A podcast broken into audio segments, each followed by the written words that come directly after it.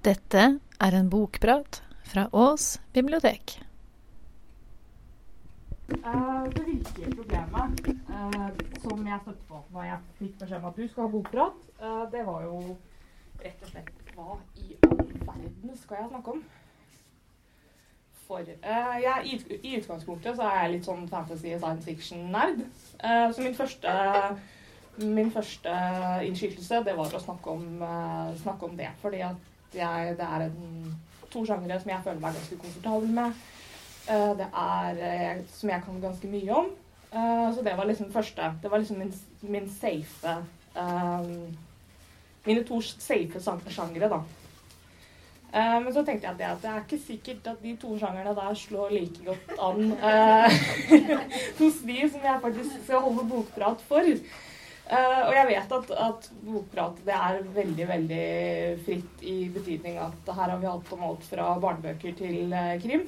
Så dere skal ikke se bort fra at jeg en gang i framtiden tar et, så slik, et sånn skikkelig dypdykk i, uh, i fantasy eller science fiction. Men jeg tenkte at liksom, første gang så skulle jeg, skulle jeg ta noe annet. Så da var jo jakten i gang, rett og slett. Og jeg gikk gjennom lister med bøker jeg hadde lest. Jeg var innom med flere andre forskjellige sjangere. Jeg var innom krim, jeg var innom ungdomsbøker. Uh, til jeg uh, nesten tilfeldig uh, kom på en tittel som jeg hadde lest før, for ikke så lenge siden. Og det var liksom som noe klaffa. Jeg tenkte med en gang at åh, den, den, den tar jeg. Og den tittelen, det var 'Buddha på loftet'. Eh, denne boka den er skrevet av en dame som heter Julie Otsuka. Hun er eh, japansk-amerikaner.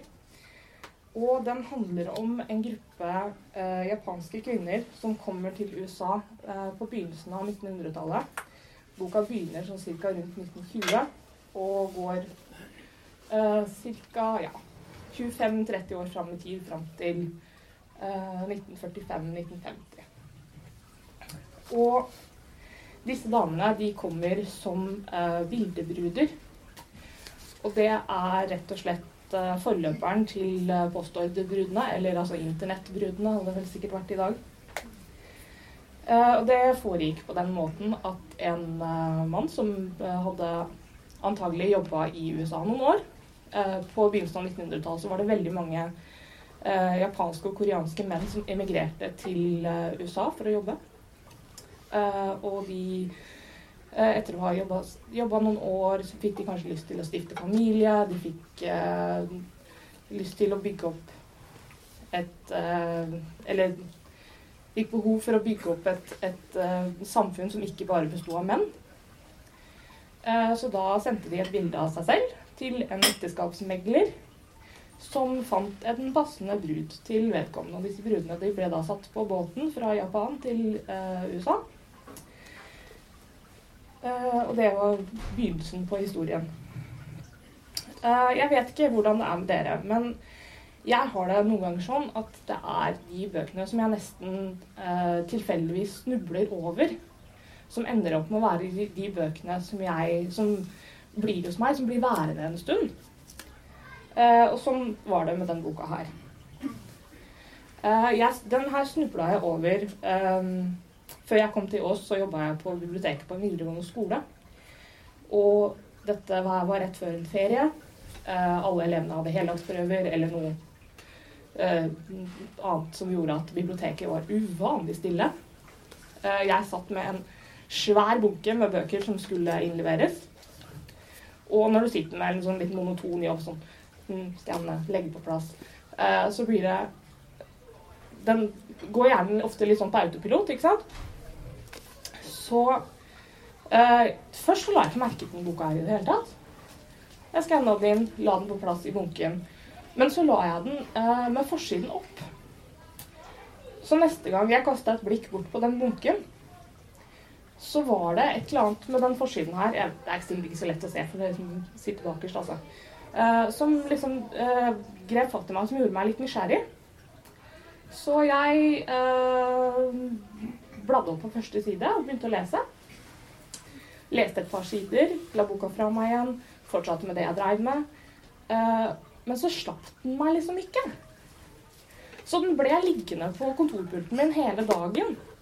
Og innimellom så snek jeg meg liksom til å lese noen sider uh, til. Uh, og så, så da når jeg skulle hjem, så uh, hadde jeg en ganske lang vei å pendle hjem dit jeg bodde. Og pga. Uh, min. mine så måtte jeg vente en stund eh, før, eh, før eh, på tog og sånn. Eh, så jeg- og så var det veldig kort eh, vei fra det stedet jeg jobba til eh, toget, så jeg trengte liksom ikke skynde meg. Så jeg eh, hadde, noen, hadde noen minutter før jeg skulle hjem den dagen, og så tenkte jeg at ja, men jeg leser noen sider til før jeg, før jeg går, før jeg skal til toget hjem. Eh, det endte med at jeg mista ikke bare ett tog, jeg mista to. Fordi at jeg ble sittende og lese til jeg var ferdig, rett og slett. Eh,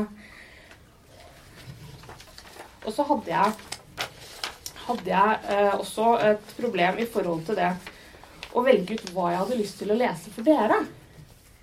Fordi at når jeg begynte å bla i denne boka her igjen, så fikk jeg bare lyst til å lese alt på nytt. Eh, så jeg begynte, og tenkte jeg ok, det må jeg ha med. Og så, var den, og så er det så mange detaljer her. Altså jeg, har, jeg har så lyst til å bare vise dere alt. Uh, og så fortsatte jeg liksom sånn Å, det må jeg i hvert fall ha med. Og det må jeg ha med. Uh, og så til jeg innså at jeg hadde bladd meg gjennom halve boka. Uh, og det, selv om det her er en, veld, er en veldig kort bok, den er på 130 sider omtrent, så tror jeg ikke jeg klarer å lese den ferdig på en halvtime. Så til slutt så bestemte jeg meg rett og slett for å begynne på begynnelsen.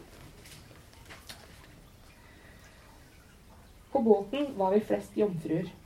Vi hadde langt, svart hår og brede plattføtter og var ikke særlig høye. Noen av oss hadde ikke spist annet enn risvelling som barn og hadde krumme bein. Og noen av oss var bare 14 og fremdeles barn selv. Noen av oss var fra byen og gikk i smarte byantrekk, mens mange flere av oss var fra landet og gikk med den samme gamle kimonoen her som vi hadde gått med i årevis. Falmet, arvet etter en søster, lappet og farget om igjen flere ganger. Noen av oss var fra fjellet og hadde aldri sett havet før, bortsett fra på bilder. Og noen av oss var fiskerdøtre og hadde vært ved havet hele livet. Kanskje hadde vi mistet en bror på sjøen, eller en far, eller en forlovede. Eller kanskje en vi elsket hadde hoppet i havet en ulykksalig morgen og simpelthen svømt sin vei. Og nå var tida inne til å komme seg av gårde også for oss. Det første vi gjorde om bord på båten, før vi bestemte oss for hvem vi likte og ikke likte, før vi fortalte hverandre hvilken japansk øy vi kom fra, og hvorfor vi dro derfra, til og med før vi lærte Mhm. Kan du heve stemmen? Skal prøve? Uh, skal vi se uh, Til og med før vi lærte hverandres navn, var å sammenligne fotografier av mennene våre.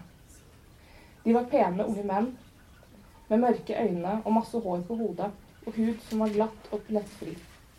De hadde markert hake, god positur, rett og høy nese. De så ut som brødrene og fedrene våre hjemme, bare bedre kledd grå skjøtefrakk og fin vestlig dress med vest. Noen av dem sto på fortau utenfor avformede trehus med hvite stakittgjerder og velholdte gressplener, og noen sto i en oppkjørsel og lente seg mot en T-Ford. Noen satt på høyryggede pinnestoler hos fotografen og stirret rett inn i kamera, som om de var rede til å ta verden på strak arm. Alle sammen hadde lovt å være der og ta imot oss når vi anløp San Francisco. På båten undret vi ofte. Kom vi til å like det? Elske det? Vil vi kjenne dem igjen fra fotografiet når vi først så dem på dekk? På båten så vi nederst, på tredje klasse, hvor det var møkkete og mørkt. Køyene var smale hyller av jern som var stablet over hverandre.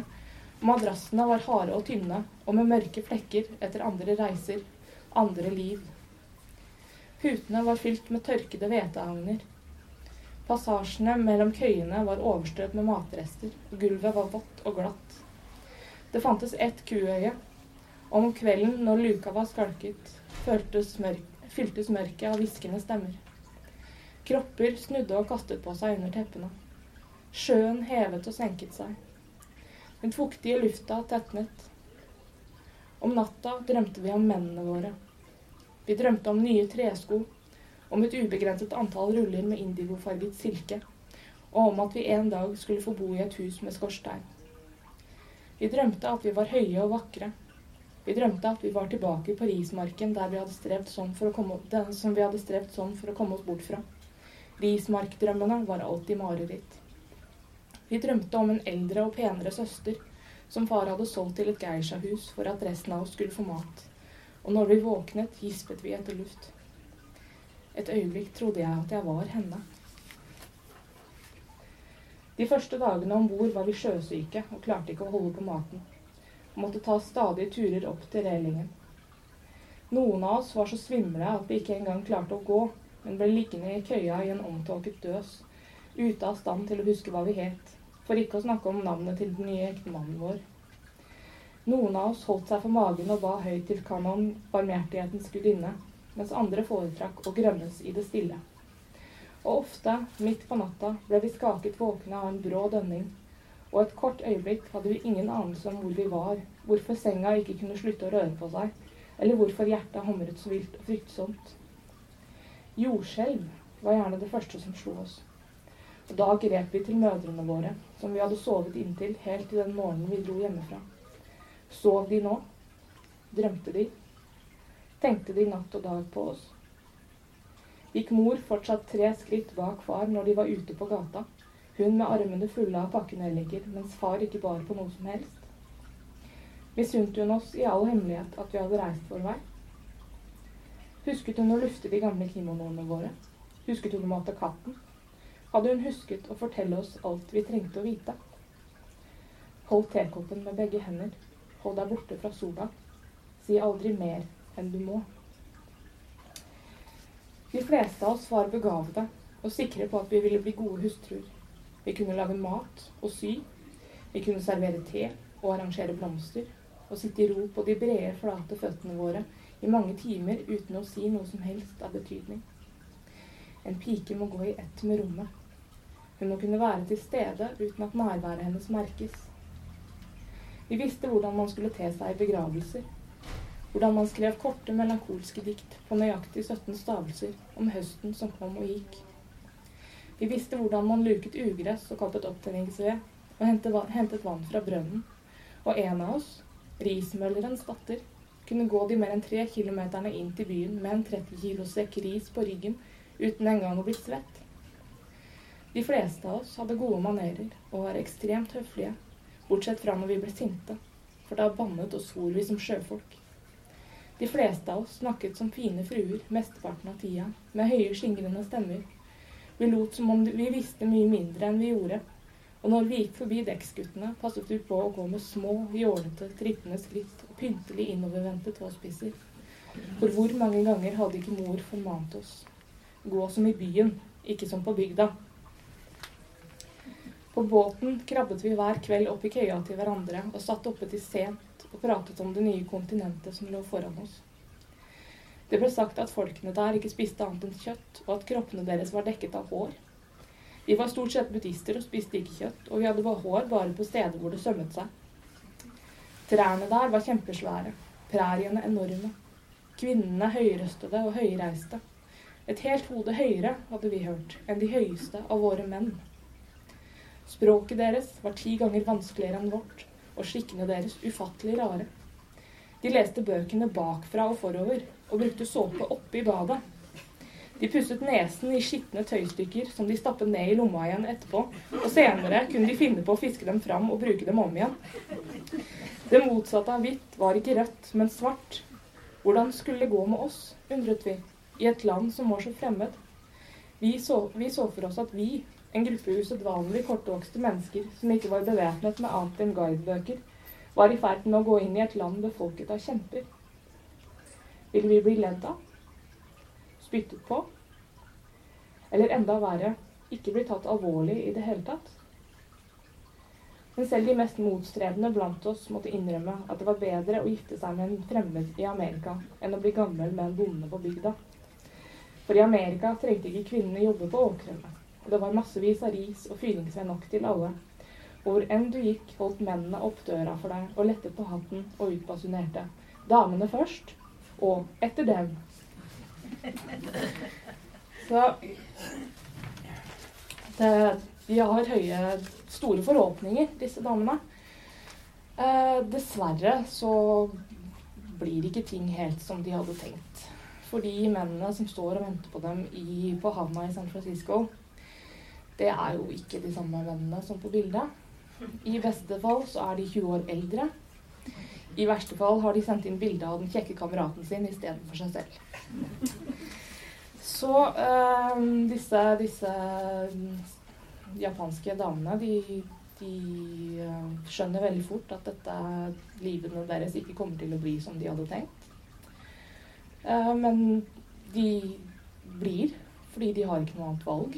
Uh, de fleste av dem har ikke mulighet til å komme seg tilbake, og selv om de hadde, så, så hadde det vært uh, stor uærlighet for uh, familiene deres. De hadde blitt, måttet leve i skam resten av livet i Japan. Så de blir, og uh, de gjør så godt de kan. For uh, ikke bare er disse mennene som venter på dem, 20 år eldre eller en helt annen enn de hadde sett for seg. De er jo heller ikke, de er jo heller ikke fine hus. De har ikke fine biler. De er fruktplukkere, bønder, fabrikkarbeidere.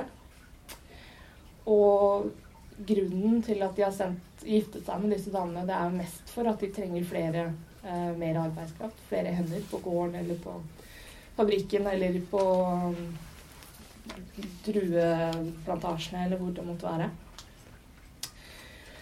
Men det er ingen vei tilbake, så disse damene gjør eh, det beste ut av det de har. Dessverre så er det, så er det ingen happy ending her. Jeg skulle veldig ønske at det var en happy ending, for disse damene de har det så De har det så De får det så fælt i forhold til det de, de, de eh, hadde forestilt seg. De, men de tar det, tar det så bra. Men 7.12.1941 så kommer angrepet på Pearl Harbor. Og på det tidspunktet så er det nesten 130 000 eh, av japansk herkomst som bor på fastlandet i USA. Og panikken begynner å bre seg.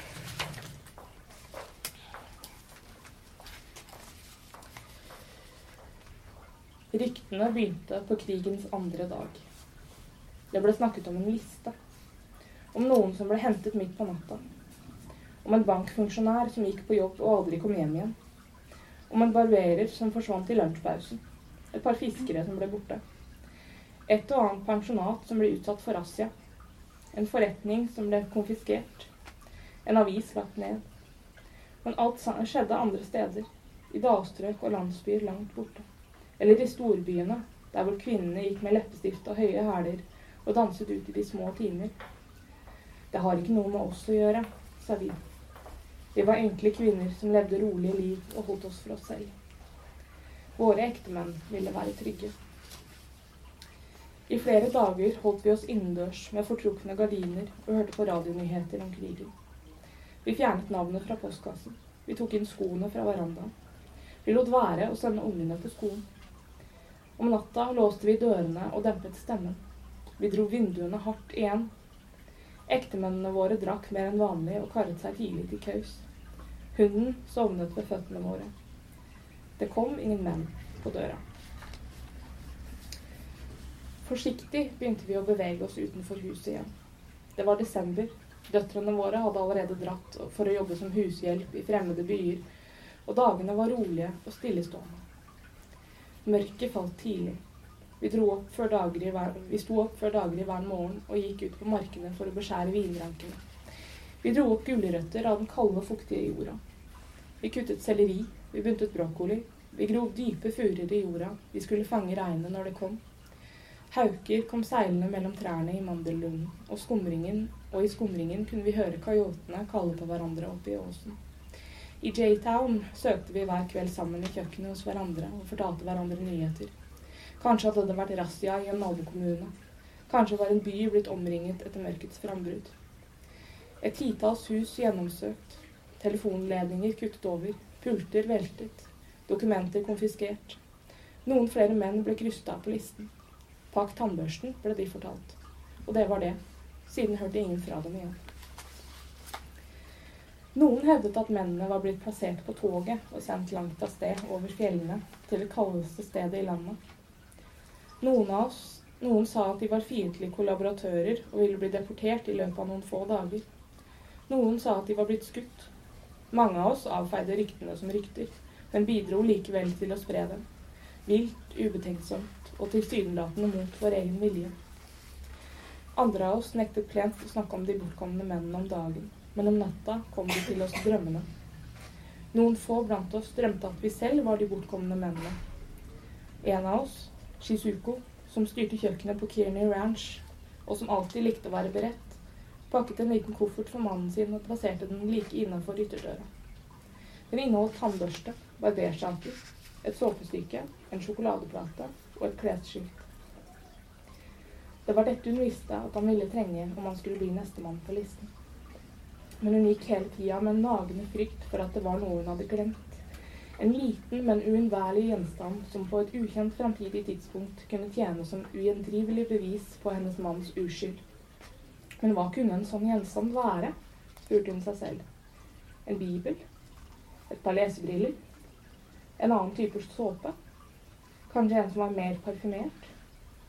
Noe mer mandig? Hva visste vi egentlig om denne listen?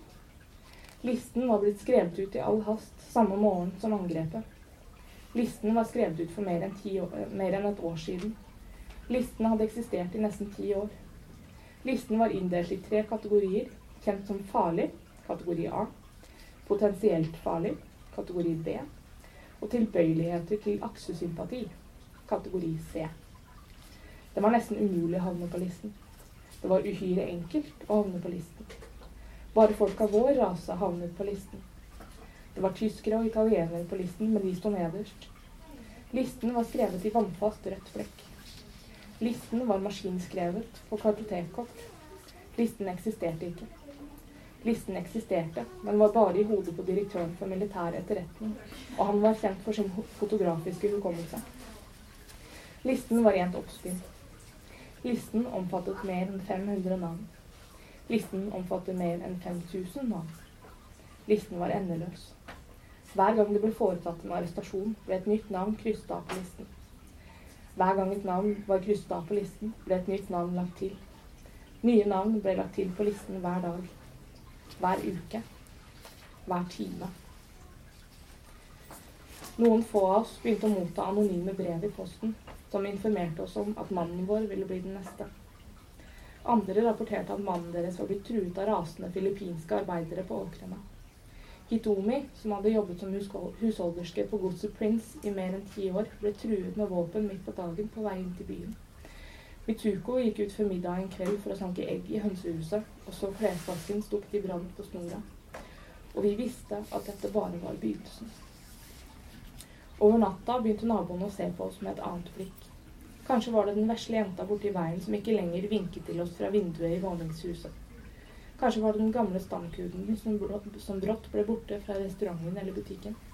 Eller husfruen vår, fru Trimble, som trakk oss til side en morgen vi sto og moppet kjøkkengulvet og hvisket oss i øret. Har du hørt at krigen kommer? Forretningskvinnene begynte å boikotte fruktboden vår fordi de fryktet at varene våre inneholdt arsenikk. Forsikringsselskapet annullerte forsikringen vår. Banken frøs kontoen. Melkemannen sluttet å levere melk til oss. Ordre fra sjefen, forklarte han grått kvalt. Unger kastet et blikk på oss og løp sin vei som skremte rådyr. Små, gamle damer tviholdt på håndveska og ble stående stive på fortauet når de fikk øye på mannen vår, og skrek ut 'De er her!' Og selv om mannen vår hadde advart oss 'Vi er redde', var vi likevel uforberedt. Plutselig å oppdage at det var vi som var fienden. Alt sammen skyldtes selvfølgelig det som sto i avisa. De sa at flere tusen av mennene våre hadde gått til aksjon i samme øyeblikk som angrepet på øya startet. Presise som urverk. De sa at vi hadde fylt veiene med de medtatte lastebilene og skranglekassene våre. De sa at vi hadde gitt meldinger til fiendens fly med signalbuss på åkrene.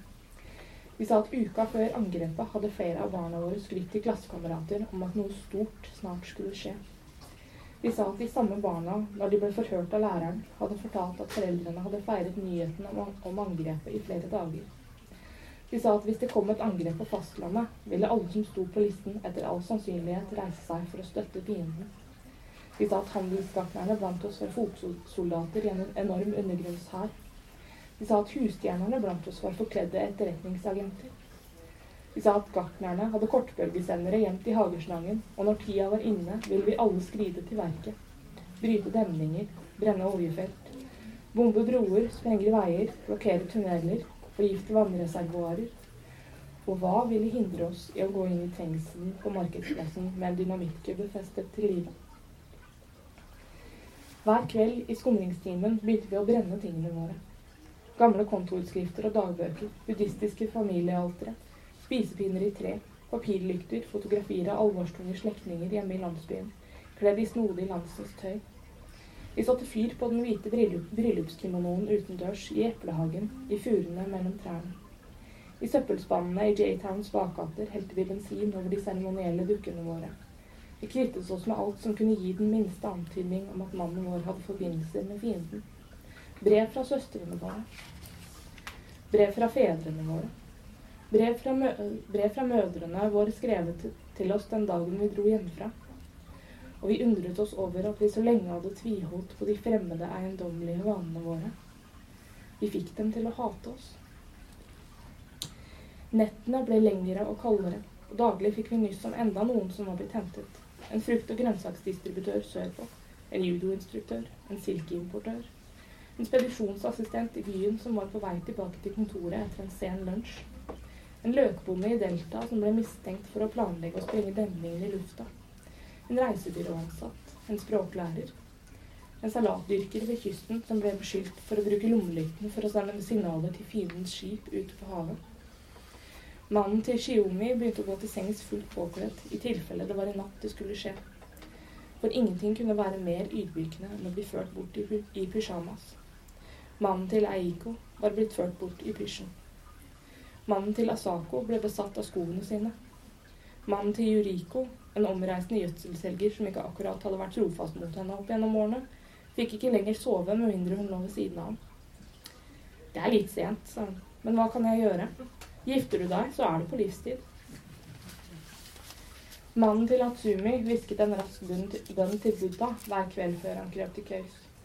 Noen kvelder ba han til og med til Jesus, og hva om det nå var han som var den sanne Gud?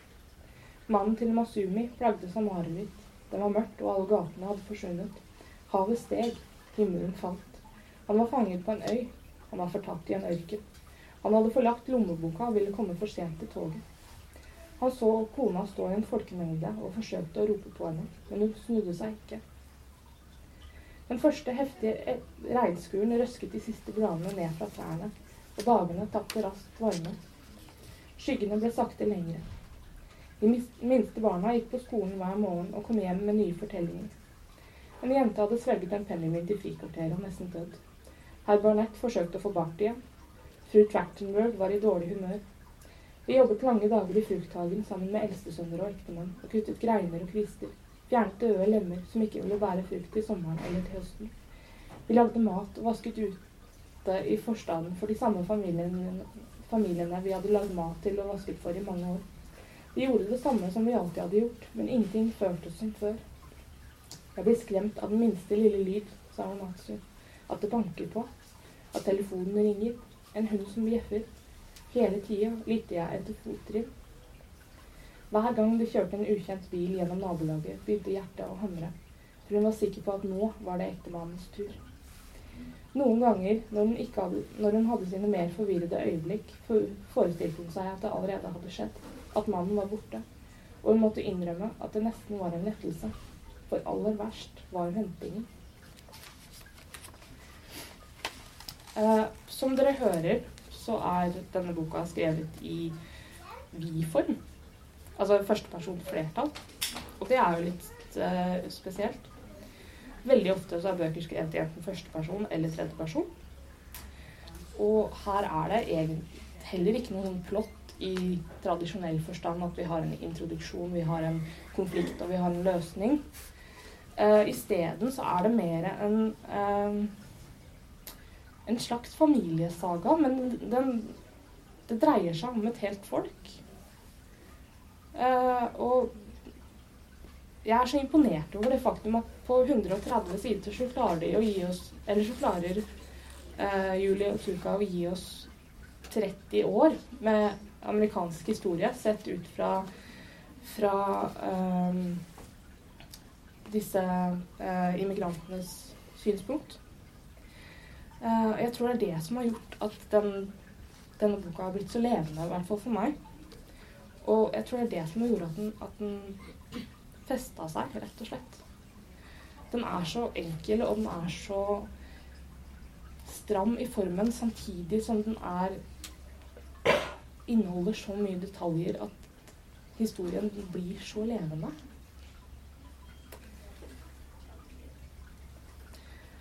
Uh, det tror jeg um, Jeg håper at det ikke bare er jeg som syns det. At, det, at, det er um, At historien blir litt mer levende for oss alle sammen.